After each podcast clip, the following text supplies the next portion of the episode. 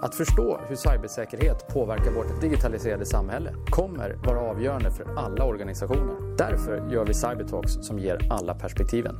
Jag heter Rolf Rosenvinge. Välkommen! I veckans avsnitt av Cybertalks träffar Rolf Kristoffer Riddersäter från Bonnier.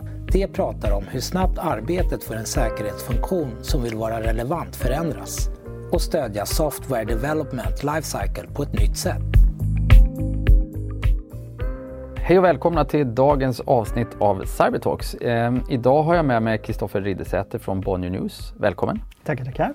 Eh, jag gillar ju ibland att eh, diskutera och kanske utmana rådande paradigm och i, ibland också så här, mm, försöka ifrågasätta vad vi gör och hur vi gör saker. Och jag tror att Kristoffer här, du ska få hjälpa mig idag. Du är ju egentligen inte från början säkerhetskille utan mer eh, DevOps och automation och en, en massa andra saker som tror jag kan hjälpa oss som säkerhetspractitioners att förstå lite grann hur vi uppfattas och vi är ju under en ganska stor förflyttning kring vad, hur man gör säkerhet i en, i en mer modern IT-miljö och sådär. Så att, eh, därför tyckte jag att det var spännande att eh, bjuda hit dig idag. Eh, och vi ska prata massor om det, men kanske först en kort introduktion till dig. Vem du är, vad du har för roll idag och varifrån så att säga, du kommer in i de här frågorna. Ja, absolut. Eh, tack så hemskt mycket. Jättekul att få vara här vill jag säga först och främst. Då. Ja, jag har ju en ganska blandad bakgrund egentligen med, med röd tråd i automation. Då. Så jag har jobbat som chef och jag har jobbat inhouse och som konsult och jag har jobbat på små bolag där man kanske är 6-7 och stora där man är flera hundratusen och sådär. Så, så det har ju verkligen varit ganska mycket bredd. Jag har hållit på i 25 år då kan man väl säga med, med det här på olika sätt. Då. Och nu sista tiden har det varit ganska mycket fokus runt eh, DevOps och de här transformationsresorna. Bland annat har jag gjort en ganska stor sån på TUI när jag jobbade där. Just det. Superspännande. Eh, men idag jobbar du? På Bonnier News. Just det. Eh, och tanken lite grann här är ju då att um, idag kanske fokusera och prata lite grann kring eh, DevOps eller DevSecOps och, vad, och vi ska reda, vi kommer nog så att säga blanda och ge en hel del eh, termer eh, och försöka sätta dem i lite sammanhang. Eh, men framförallt tror jag att vi satt och försnackade här över en kopp kaffe lite grann eh, och jag tror att vi var rätt så överens i alla fall om att mycket av den här förflyttningen som behöver ske eller som, och som många faktiskt upp är faktiskt också en ganska mjuk fråga bakom alla dessa så att säga, förkortningar. Um, men det stämmer rätt väl med, med ditt förhållningssätt till, till det här också? Ja absolut. Eh, jag ser ju den här, det här blir liksom rätt mycket som ett nästa steg i de här DevOps-resorna. Nu behöver man få in säkerhet på allvar i de här frågorna också. Och det är ju precis som i DevOps-resan, tycker jag, en kulturell del väldigt stor. Man behöver ändra lite arbetssätt, hur man gör saker. Man behöver jobba mycket närmare varandra än vad man har gjort tidigare och sådär. Så det är definitivt en transformationsresa skulle jag säga här också.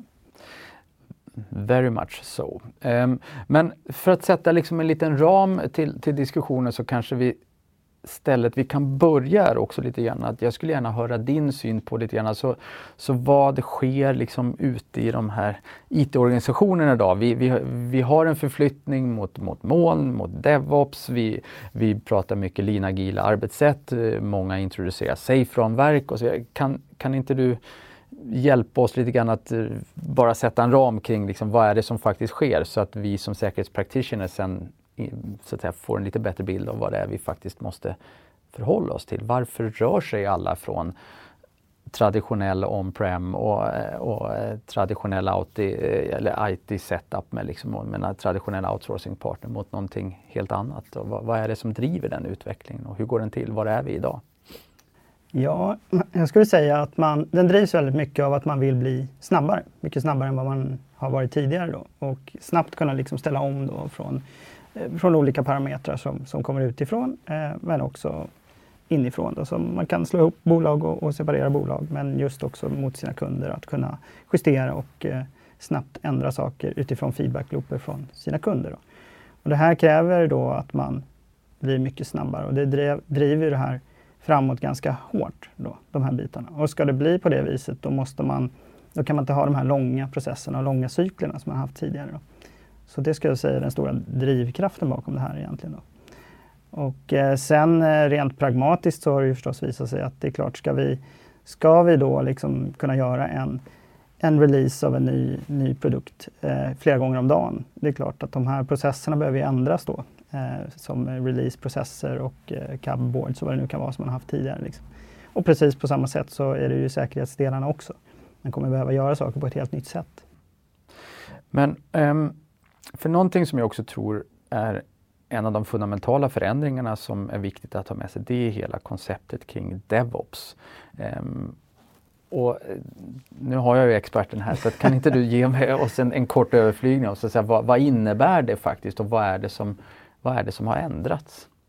Ja, det är ju framförallt skulle jag säga en, en kulturell skillnad. Eh, och därför tar den, den resan ofta lite tid. Liksom. För det handlar ju väldigt mycket om att man ska börja jobba eh, över gränserna mellan, mellan DevOps då förstås. Då. Och för att få det att fungera så behöver man ju dels ha lite gemensamma eh, målsättningar, liksom, saker som man vill lösa tillsammans.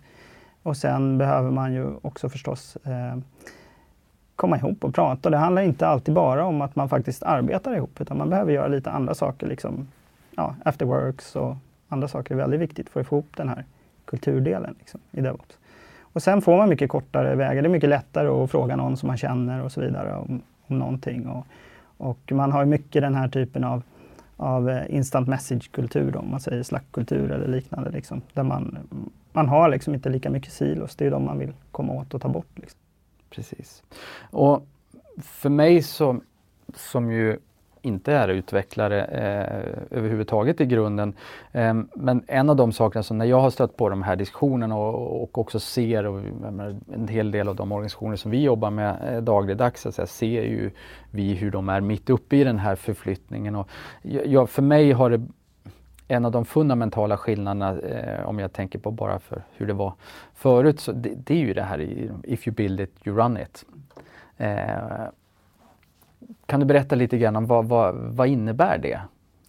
Ja, man ska säga att traditionellt har det varit ganska mycket så att man som utvecklare då, då har man kontroll över sin applikation i test och utvecklingsmiljöerna. Men i produktion sen lämnar man ifrån sig applikationen och då, då är det någon annan som gör det. Man får inte ens komma åt den då. I den, det nya sättet, skulle jag säga i de flesta fall, så har man liksom möjlighet att påverka sin applikation i alla miljöer och man kan releasa till alla miljöer när man vill. Men man är också helt ansvarig för sin applikation. Då. Och likaledes så om man tittar då på motsvarande enablement team eller DevOps team eller så, så är de ansvariga för plattformen överallt, inte bara i produktion utan i utveckling och så vidare. För det blir också en, en produktionsmiljö så att säga.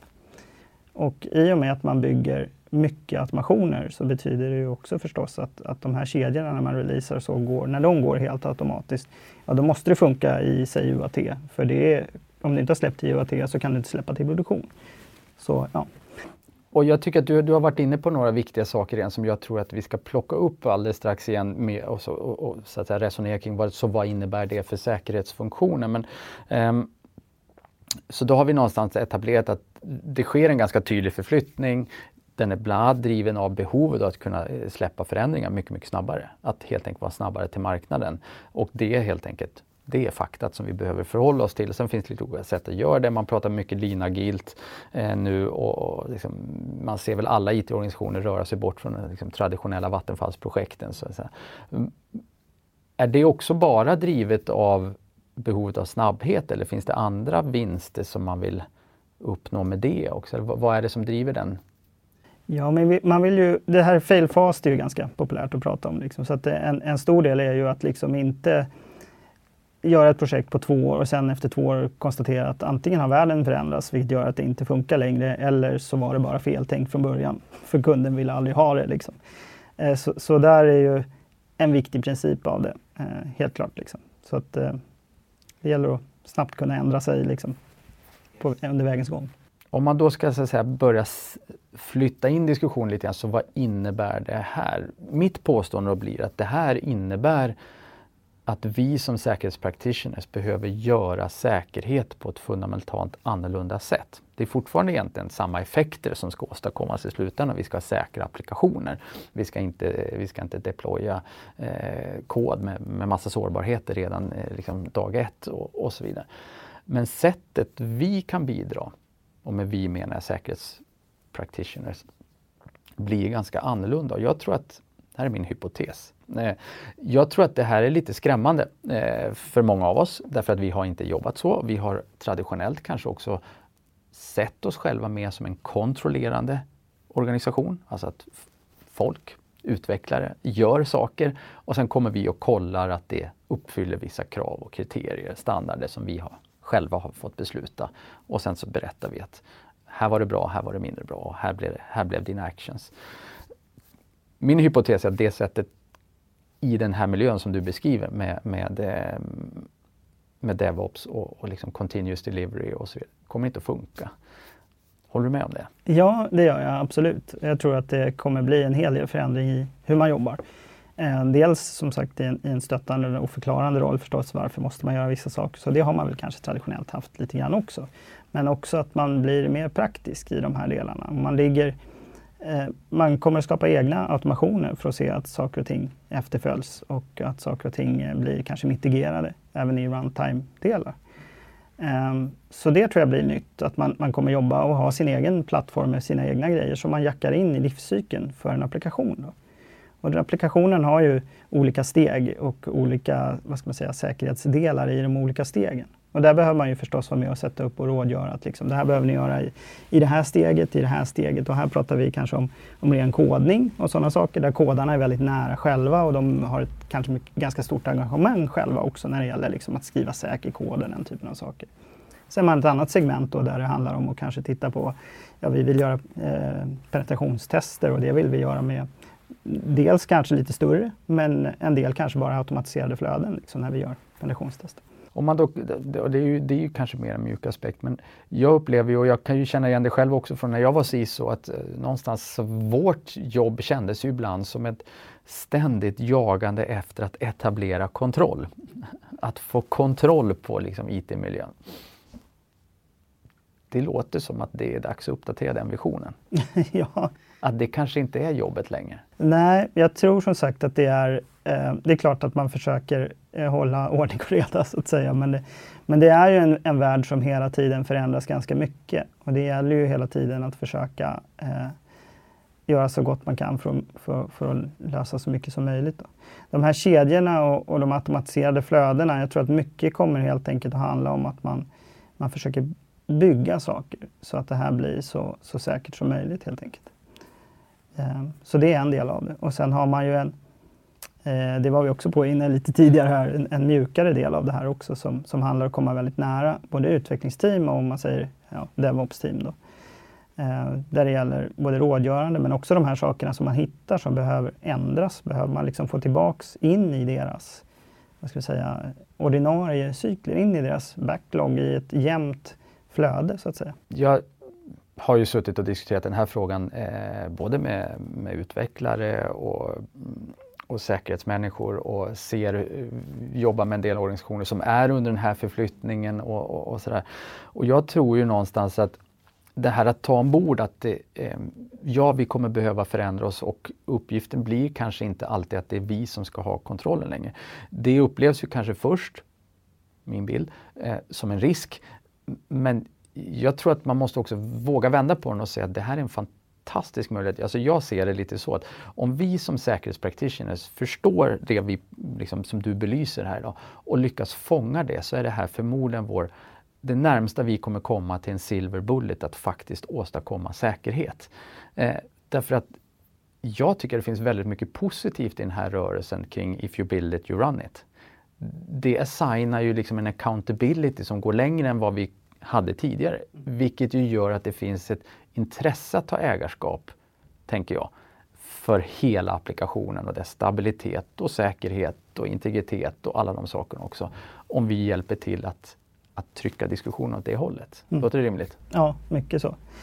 Det blir ju liksom en, en baby om man vill liksom när man bygger den och den vill man ju att den ska vara bra på alla sätt. Och säkerhetsperspektivet absolut inget, inget undantag. Det tycker jag ser hos, hos många av mina utvecklarkollegor också. Så man vill eh, absolut göra det. Eh, och sen är det ju olika skikt i det här. Liksom. Och det, samma sak blir för säkerhetsavdelningarna, när de också bygger sina egna tjänster. Att eh, de, de äger dem.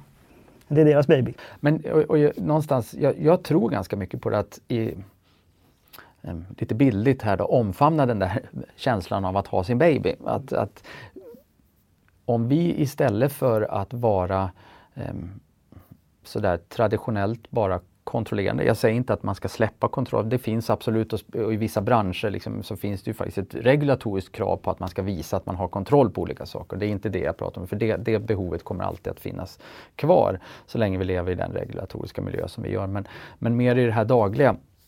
Eh, så att liksom för att om vi ser att utvecklarna känner så för sin applikation så blir ju, tror jag också vad vi ska göra eh, enklare att se.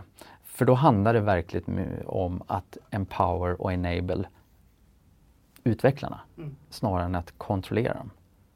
är min hypotes. Absolut, och man kommer nog också se en vändning där man, där man förut har varit tvungen att liksom, vad ska vi säga, gå ut och prata om en massa saker men man istället får frågor. Vad ska vi tänka på i den här situationen? Liksom? Där har man just det här när man äger sitt eget. Liksom. Och då blir jag såklart också nyfiken på dina tankar kring så hur gör man det? Hur blir man som säkerhetspractitioners eller säkerhetsfunktion, hur blir man då relevant för de här utvecklarteamen? Hur, hur, hur ska vi då göra för att, um, för att hjälpa dem att vårda sin baby? Ska vi komma dragandes med eh, verktyg för eh, statisk och dynamisk kodanalys, DAST, SAST eh, tools, eller hur gör vi? Ja, jag tror att framförallt så, så handlar det om att man ska försöka hitta det här där man jobbar ihop. Liksom hur vi behöver, det här är så det ser ut, det här är vår värld, det här är livscykeln på vår applikation. Och hur ska vi se till att den här i slutändan blir liksom, möter våra säkerhetskrav som vi har då? Eh, och ta den dialogen tillsammans och hitta de här grejerna. Vilka av de här bitarna ska vi jobba med ihop?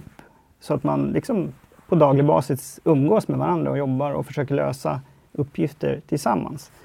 Eh, och där i kan det förstås ligga, ibland är det verktyg, ibland kan det vara en extern tjänst, ibland handlar det om kanske kodskrivande och sådana där saker också. Då. Men kedjan är ju ganska bred, vilket betyder att det är klart som inte, som säkerhetsexpert kan man inte heller ha koll på alla de här områdena specifikt, utan det är klart att, att utvecklarna kommer ju bli duktigast på att skriva säker kod. Det är kanske inte det som, som du ändå är vassast på som, som eh, säkerhetsexpert. Och likadant om vi pratar Kubernetes eller något annat. Ja, de som gör den biten, de, de har liksom förståelse och ägande av plattformen. Det är deras baby. Liksom. Och de kommer vilja sätta sig in i det, bara de får liksom en, en nudge i, i rätt riktning. Liksom, och, och sådär, liksom. Just det. Um, jag tycker, jag har sett ett, eh, faktiskt just nu, eh, en stor organisation som jag jobbar lite grann med som, eh, som testar ett koncept med embedding. Eh, där man egentligen man har, eh, håller på att skala ut sin säkerhetsorganisation lite grann och, ehm, och erbjuder egentligen då eh, liksom, utvecklarteamen eh, en embedded resource, inte på heltid, men, men att vara med och verkligen men jobba inne i teamet. Men som kommer med säkerhetskunskap i alla de här liksom, eh, och, och självklart kan eh, alla det här kring Dust Tools och så vidare och vad, vad dynamisk kodanalys kan göra och inte göra och så vidare. Men också faktiskt deltar i det dagliga arbetet. Det tycker jag är en ganska spännande tanke. Mm, jag håller med. Jag eh, har gjort en del mobbprogrammering då när man sitter flera utvecklare och utvecklar mot bara en skärm. Då, så är det en som programmerar och så sitter de andra och, och är med. Liksom. Eh, och eh, där är ju ett alldeles ypperligt tillfälle till exempel, antingen om man inte har testat det, att testa det nu. Eh, eller att eh, om man har testat att man är med i de där mobbteamen eh, när de sitter och utvecklar en, en, i en viss fas. Liksom. Eh, till exempel. Så jag tror att det är jättebra att vara, att vara närvarande. Jag tror att det är ett måste för att bygga den här kulturen runt det här, liksom, samarbetskulturen. Precis som man har gjort med, med DevOps. Liksom. Och om vi då säger att här har vi, här har vi en del av hypotesen att vi behöver komma närmare, vi, kommer behöva, vi behöver liksom kliva in och vara, vara med. Eh, snarare än att inom citationstecken bara stå på sidan och kontrollera i efterhand. För vissa kommer kontroll, så att säga, uppgiften absolut finnas kvar men, men där vi kan så ska vi kanske... Eh, Finns det någon annan gruppering som vi också måste liksom få med i det här? Jag tänker till exempel på produktägare och sånt. Ehm, hur, hur, hur ska man, och vi kanske ska börja med att beskriva liksom, vad är deras roll i det här och varför skulle de vara en viktig, ehm, en, en, en viktig grupp att, att jobba tillsammans med? Ja, det tror jag absolut. Jag tror att du har helt rätt i det. För att eh, produkt Produktägaren är ju så att säga verksamhetsdelen av det här och styr ju eh, utvecklarnas backlog och prioriteringar i backlog. Så det är klart att, att det är jätteviktigt. Och det är viktigt att de förstår också varför man gör och varför ska man prioritera vissa säkerhetsdelar och sådär. Så att de behöver nog också ha en ska säga, lite utökad säkerhetskännedom i största allmänhet. Liksom. Varför är det här viktigt för oss? Och, och, så att det kan hjälpa dem i deras prioritet. Men jag tror, eller prioritering. Men jag tror framför allt att det, att det är viktigt att ha med dem som en del i helheten. Det är ju i alla fall eh, eh utvecklingsteamet och sen har du ju DevOps-teamet och sen är nog PO kanske den viktigaste, bortsett de två, i det här. Jag tycker det här är intressant för det, det, det är jag tror att det är en ganska stor förflyttning för, för många av oss. Eh, så att säga, från, eh, men som sagt en, en möjlighet eh, som jag tror faktiskt är större än vad många av oss har tänkt från början. Att faktiskt åstadkomma säkert. För att om man liksom zoomar ut den lite grann bara kort så tänker jag att väldigt många eh, ledningar är ju definitivt på den här frågan kring säkerhet och man läser och man ser liksom högprofilattackerna i, i tidningen och, och, och så vidare. Och, och, jag upplever att det finns ett ökande tryck också på säkerhetsansvariga att liksom okej, okay, vi är beredda att öppna plånboken. Du fixar säkerheten nu. Eh, och jag tror att många att, alltså, vi måste återuppfinna oss själva lite grann här och det här. Jag ser det här som en jättestor eh, stor möjlighet. Eh, ett begrepp som man pratar mycket om också som jag tycker man hör, alltså, som kanske försöker sammanfatta är shift left. Mm. Um, vad, vad, är, vad, är, din take på shift left och vad, vad det faktiskt innebär och um, hur passar det eventuellt in i den här diskussionen eller inte? Ja, um, shift, shift, left traditionellt är ju ofta att man försöker upptäcka liksom fel tidigare i kedjan eller problem tidigare i kedjan och kunna rätta de tidigare kedjan. Och det är klart att agilt arbete är ju en, en stor del utav, av just den typen av, av saker. Då. Och ur säkerhetsperspektiv så, så är det väl lite samma sak där. Att det vill säga att kan vi, kan vi göra relevanta tester tidigt i kedjan och eh, kanske redan när vi skriver kod och kanske i, i testförfarandet i, i koderna så är det klart att vi kan liksom, eh, upptäcka saker tidigare som dels blir inte skapar problem men det blir inte lika dyrt eller vad man ska säga tidsmässigt att rätta de här heller och man gör saker medan man håller på med dem snarare än att man får backa bak bandet och liksom börja korrigera sen när man har glömt vad man höll på med. om man säger så. Liksom. um, så, så, det är förstås en, en, en klassisk del i, vad ska man säga, modern agil utveckling. Um, ehm, en annan sak som jag stött på som jag också är nyfiken på att höra um, om, du har erfarenhet av. Um, det är ju att också försöka som säkerhetspraktitioner komma in redan liksom i någon slags designfas eh, med uh, vad jag skulle kalla threat modeling.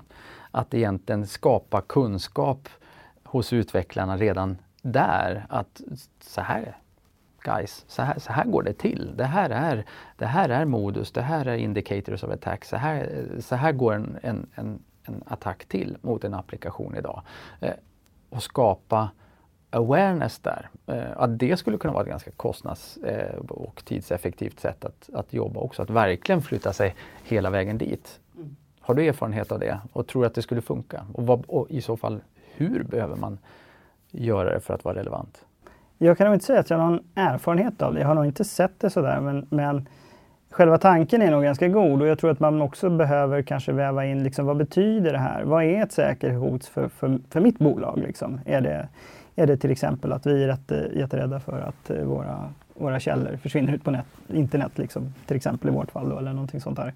Eller är det att man tar våra pengar om man är en bank eller någonting sånt där. Liksom. Men att man får in det här också i utvecklingsteamet, att hur är det här relevant för just den här applikationen som, som ni skriver? Liksom. Eh, det tror jag är ganska viktigt och också förståelse på, precis som du säger, hur går man tillväga och Hur går liksom de här eh, attackerna till? Liksom? För då tycker jag vi ändå börjar ringa in ett antal saker som man faktiskt kan göra. Vi, vi har sagt att vi behöver eh, komma närmare utvecklarteamen, jobba med dem. Vi, jag tror att jag drog upp exemplet kring embedding. Eh, Eh, vi behöver jobba med produktägarna som grupp för att skapa förståelsen där. Och det kanske finns en möjlighet att utforska också kring att komma in redan i, liksom i, i designstadiet. Um, om du tänker, är det, är det, det, det är ju lätt att liksom för mig att sitta här och sammanfatta det som att eh, då är problemet löst. Men kommer det här vara svårt? Alltså, och, och är, är, är utvecklarna mottagliga? Eh, kommer de tycka att det här är ja, nu kommer de igen, eh, fast på ett litet annat sätt. Eller kommer det här att flyga?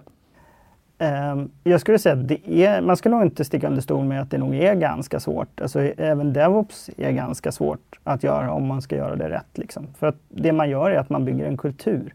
Och det är inte ett fem minuters jobb, liksom, utan där måste man få folk att jobba med varandra och känna sig bekväma med varandra och skapa tillit till varandra och hela de, alla de där segmenten som är viktiga. Och det kommer man behöva göra här också med säkerhetsavdelningen. Då. Och man kommer behöva eh, kanske tvätta bort en del, en del problematik. Man hade precis samma sak i DevOps också. Liksom, att där var det ju mycket det här med ticketing-systemet. Ja, men vi, vi har vi ett problem så lämnar vi en ticket och sen fyra månader senare så kanske det är löst. Liksom. Och det vill man ju bort från och komma in mycket mer på self-service och den typen av saker. Och på säkerhetssidan kommer vi se, se motsvarande. Då är man lite rädd för den här som jag brukar referera till som den resande cirkusen som kommer två gånger om året. Audit auditgänget och, och, och sen av, gör man ingenting annat under en månads tid än att ändra de här. Liksom. Eh, men, men kan man... Eh, så, så det är inte helt enkelt förstås. Men kan man bara liksom börja ha en, vettig dialog runt eh, applikationens livscykel och hur man ska liksom eh, föra in säkerhet i de olika stegen. Och framförallt tror jag, det är lätt i och för sig för mig att säga som, som alltid jobbar med automation, så automation är en jätteviktig del av det här. Så att man kan tala om för utvecklarna att det liksom, nu ska vi göra det här på ett annat sätt. Vi kommer ha mycket mer automation. Det kommer vara mycket mer saker som, som sker liksom automatiskt. Men vi kommer också att göra det här i kontinuerligt flöde. Så ni kanske får, ja, säg fem tickets i månaden istället för att få liksom alla de ticketsen plus några till en gång i halvåret. Liksom. Det tror jag också. Och det är också en spännande tanke och jag, jag fastnade också lite konceptuellt i att eh, säkerhetsorganisationer, jag, jag, fick någon Monty Python-referens eh, här till Flying Circus. Eh, så, här, och så tänkte jag att det, det, är ju, eh, om, om det är startpunkten, ja men då har vi lite kulturellt att, att jobba med för att sen faktiskt lyckas med, med, med, med hela förflyttningen. Men, men det är ju rätt, man ska ju call it as, as it is. Liksom. så, så, att om det är så, eh, så, så, så, eh, och det är väl bra att göra en liten också en outside-in skattning av så att säga, hur, hur är man upp uppfattat. Och jag tror ju som du är inne på, lite skämt åsido då, att, att all, all förändringsledning tar tid. Eh, men det är också viktigt att ha en, en, en faktisk rätt välgrundad idé om vad startpunkten är. Mm. Så jag tror att steg ett är ju faktiskt att gå ut och prata. Hur uppfattas vi idag? Ja jag var kanske något provokativ med den resande cirkusen. det men, helt okay. men jag tycker om att förstora saker lite ja. grann så att man får en, en tydligare bild av vad ja. det handlar om. men och du är ju inte helt fel ute såklart. Alltså det, det, det, det är ju och har ju ibland och är säkert på vissa ställen fortfarande ganska mycket så. Eh, så att, och oavsett var, var man så att säga är eh, i, på, på skalan så tror jag fortfarande att när man inleder ett sånt här liksom, förändringsledningsarbete så just att startpunkten är faktiskt att gå ut och prata med dem som man, som man tänker sig att jobba med lite närmare i framtiden och fråga liksom, vad, hur uppfattar ni oss? Var, är, vi, är vi Flying Circus som kommer två gånger om året eller är vi, är vi lite mer samarbetsvilliga och, och, och så vidare? Och jag tror att det är där någonstans, det är ju där det börjar, att börja bygga relationerna egentligen också. Det blir egentligen grunden för kulturförflyttningen som du pratar om. Ja, så är det. Och det är väl det som gör att det är svårt skulle jag säga. Och, eh, och det finns ju också om jag vänder på kuttingen så kan jag säga att ibland så kan jag ju också tycka att det är eh, det, har, det har också ibland varit ganska svårt att närma sig utvecklargängen. Tycker kanske ibland att de är lite eh, speciella och lite viktiga. Och det, det är mycket liksom ja, vi pratade innan om här, att, ska man då börja liksom göra security by Slack? Eh, ja. så, så, bara det kan ju vara en stretch för oss ibland. Ja. Eh, men för utvecklarna är det supernaturligt. Att, oh, vi använt Slack i rätt många år nu. Och liksom. Ja, mm. hur svårt kan det vara? ja, nej, och, men jag tror, att, jag tror att många utvecklare är i, i grund och botten pragmatiker eh, också, vilket betyder att, att det måste liksom attacha in till till det de gör och den vardag och att, liksom det, det, finns, att det ska finnas ett riktigt case som de, som de kan förstå, som man, som man arbetar mot. Inte att nu måste ni göra det här för att någon har sagt att ni ska göra det här. Då, då blir det lite så här, men vadå, vi är smarta människor, vi borde kunna tala om för oss vad det är vi ska lösa istället för att, vi, att tala om för oss vad vi ska göra. Liksom. Och kan man, kan man balansera det lite mer åt att liksom flytta det över till vad är det ni ska lösa istället för att göra det här. Så tror jag att, att det kommer också bli lättare kommunikationsmässigt. Men jag tror faktiskt att där har vi en av klorna. Eh, i, i, hela liksom, i hela den här frågeställningen. Att vi som säkerhetspraktiker kanske ska göra precis det du sa. Att, att eh, istället för att säga gör si och så, så berätta mer vad är det som, what does success look like? Vad är det som ska lösas? Och när vi har gjort det så kanske vi istället kan komma och erbjuda en del lösningar. Preferably automated. Mm. Så. Eh, så det blir liksom lite indirekt metod eh, för, för, att, för att lyckas här. Att istället för att gå rakt på och säga att gör så här och sen gör så här och sen gör så här. Så, mm. att det är det här killar och tjejer som ska lösas. Och här har vi några, några verktyg och några processer och kunskap. Som, eh, varsågod. Ja, jag tror att du är helt, helt rätt där. Att man går mer Eh, man, man utökar den rollen där man är liksom rådgörande och, och hjälpande och stöttande eh, och kanske minskar ner lite på den här kontrollsidan eller vad man ska säga, balanserar upp den i alla fall. Liksom. Eh, det tror jag absolut att du har helt rätt i. jag, jag tror ju att det här är vi ju som flera av andra saker så är vi ju egentligen bara i, i början av den här. jag tror att det här är en fråga som många säkerhetsorganisationer brottas med idag. Eh, jag tror att ännu fler kommer att brottas med. Jag tror i praktiken att alla kommer behöva så att säga, göra sig de här diskussionerna och hitta sina lösningar på det. Det som jag tycker också är spännande det är ju att jag tror att man tidigt, det här är mitt påstående, man måste tidigt bestämma sig för som säkerhetsorganisation om det här är en möjlighet eller en risk. Eh, för jag tror att man många gånger kommer att känna att vi har jobbat jättehårt under rätt många år nu för att skapa större förståelse för vårt arbete. Eh, vi ser ju allt läskigt som händer där ute och alla andra som drabbas förstår kanske bättre än många andra den potentiella impacten. Eh, och, och därför har vi naturligt jobbat för att skapa kontroll. För att vi, för att vi vill ta ansvar. Mm. Men det kanske inte är vårt ansvar att ta. Nej, jag tror att, jag tror att det, man måste nog också lägga mer ansvar på, på utvecklingsavdelningar och DevOps-avdelningar i det här perspektivet. Sen kommer ju de behöva en hel del stöttning för de har ju liksom ganska fullt på sin agenda som det är idag. Liksom. Men det tror jag definitivt. Eh, för att eh, man behöver ta ansvar där man har kunskap.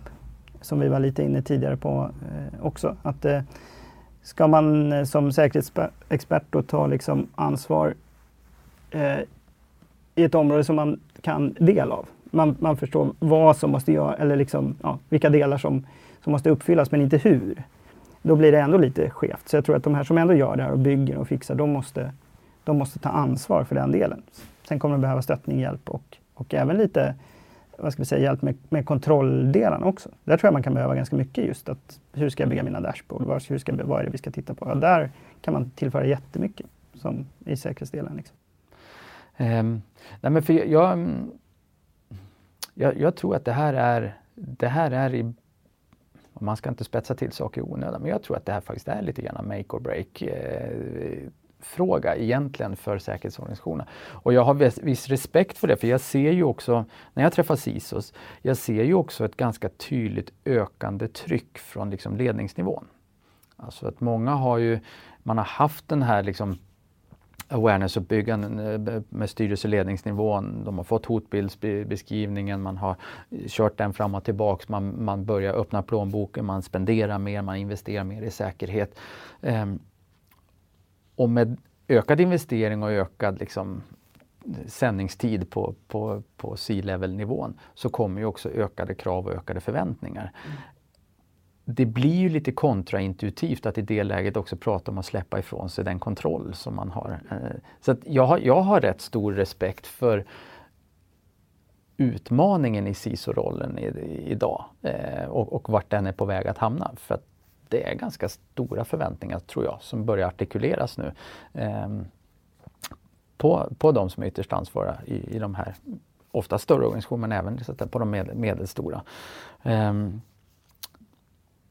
men vi var inne på att ett sätt där kanske kan vara att jobba också med och genom produktägarna.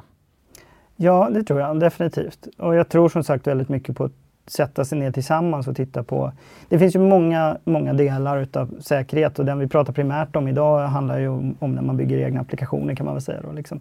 Men i det, i det segmentet skulle jag säga att eh, en viktig del är att sätta sig och titta tillsammans på hela livscykeln på applikationen och hur man tillsammans ska hantera de här bitarna och låta liksom sakerna växa ut därifrån. Och då kan man liksom börja titta på sin egen del av, av de här kontrollgrejerna som man nu har byggt upp och så där. Hur, hur liksom transfererar vi dem över i det här nya eh, och liksom distribuerar ett ansvar utan att vi därmed liksom tappar kontrollen i det.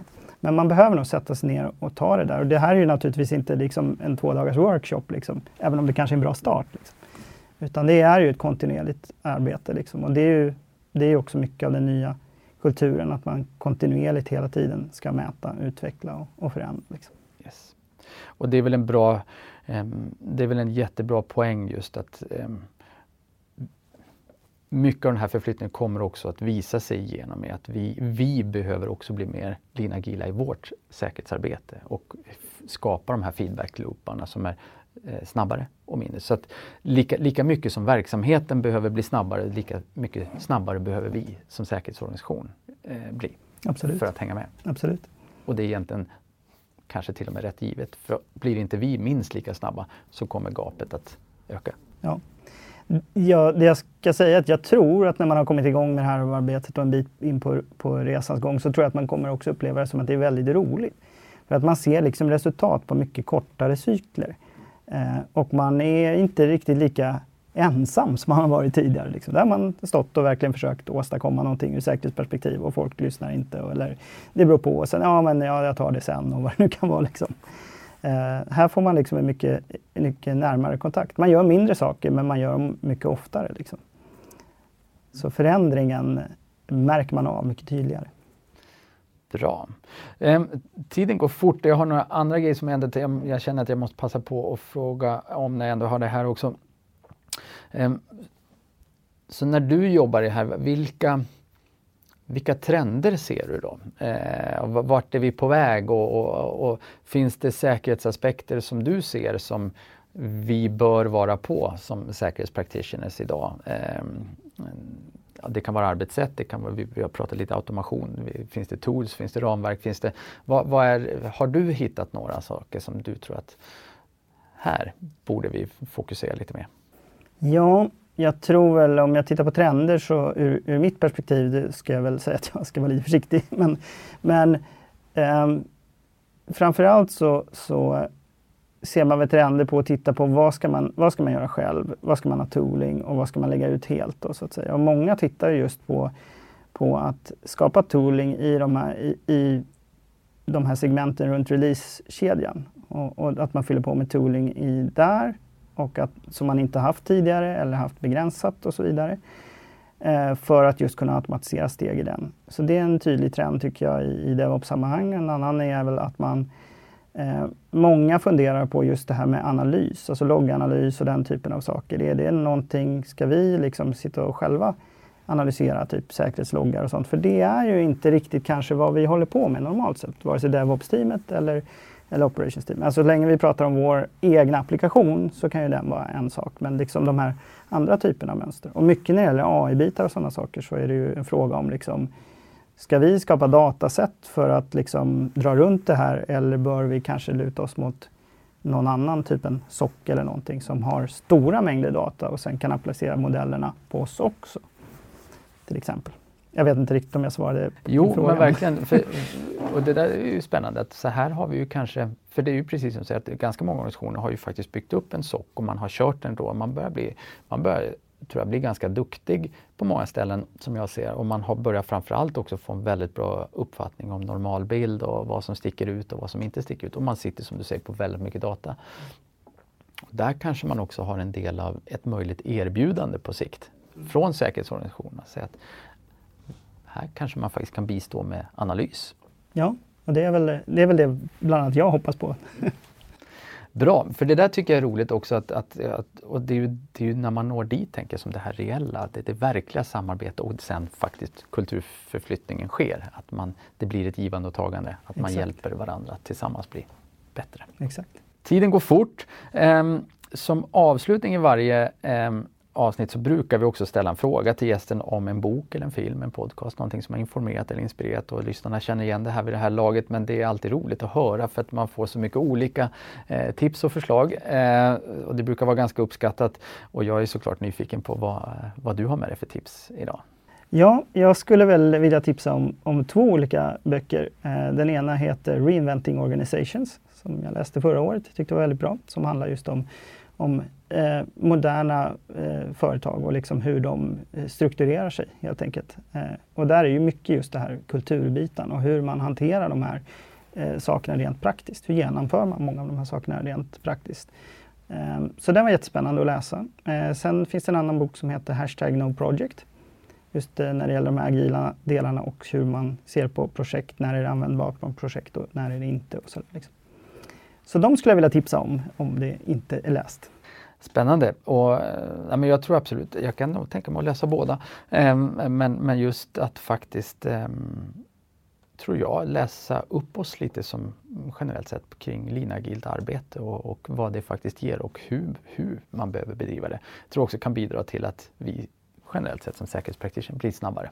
Uh, och jag och det har säkert framgått här, tror jag är en del av, av nycklarna, att, att vi hänger med och blir snabbare i, i våra cykler också för att kunna vara relevanta. Jag skulle vilja säga där också, bara inflika lite kort, att jag tror att det är jättebra att besöka andra. Om man kan hitta andra och, och göra ett litet studiebesök och se vad de gör och hur de har löst saker. Eh, mest för att få inspiration. Knowledge sharing. Och, yes. och eh, mm, Bra. Kristoffer eh, Riddersäter från eh, Bonnier, det har varit supertrevligt att ha dig här. Tack för att du tog dig tid och ville vara med.